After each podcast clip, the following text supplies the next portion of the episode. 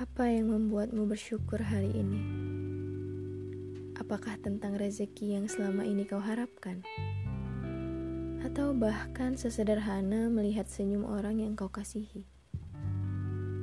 Atau mungkin kau adalah si bijak yang selalu bersyukur apa pun kondisinya, senang ataupun sedih. Aku ingin di antara kita selalu mengingatkan tentang arti bersyukur, agar semua langkah yang kita tempuh tak terasa terlalu terjal. Kita harus tahu bahwa apa pun yang terjadi hari ini, kemarin, atau besok telah ditakdirkan untuk terjadi pada kita bukan tanpa alasan. Karena di setiap langit yang gelap, akan selalu hadir bintang yang menuntunmu pada cahaya.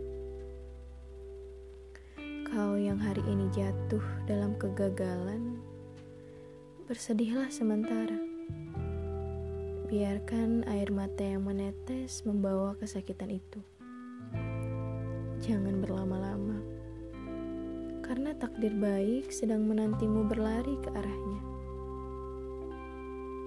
maka di dunia ini berhentilah untuk mengalahkan manusia lain. Karena kau tak akan pernah jadi juaranya.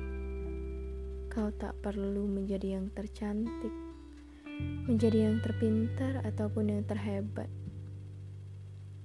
Satu-satunya yang harus kau kalahkan hanyalah sifat-sifat buruk dan kesedihan-kesedihan terpendam yang ada pada dirimu.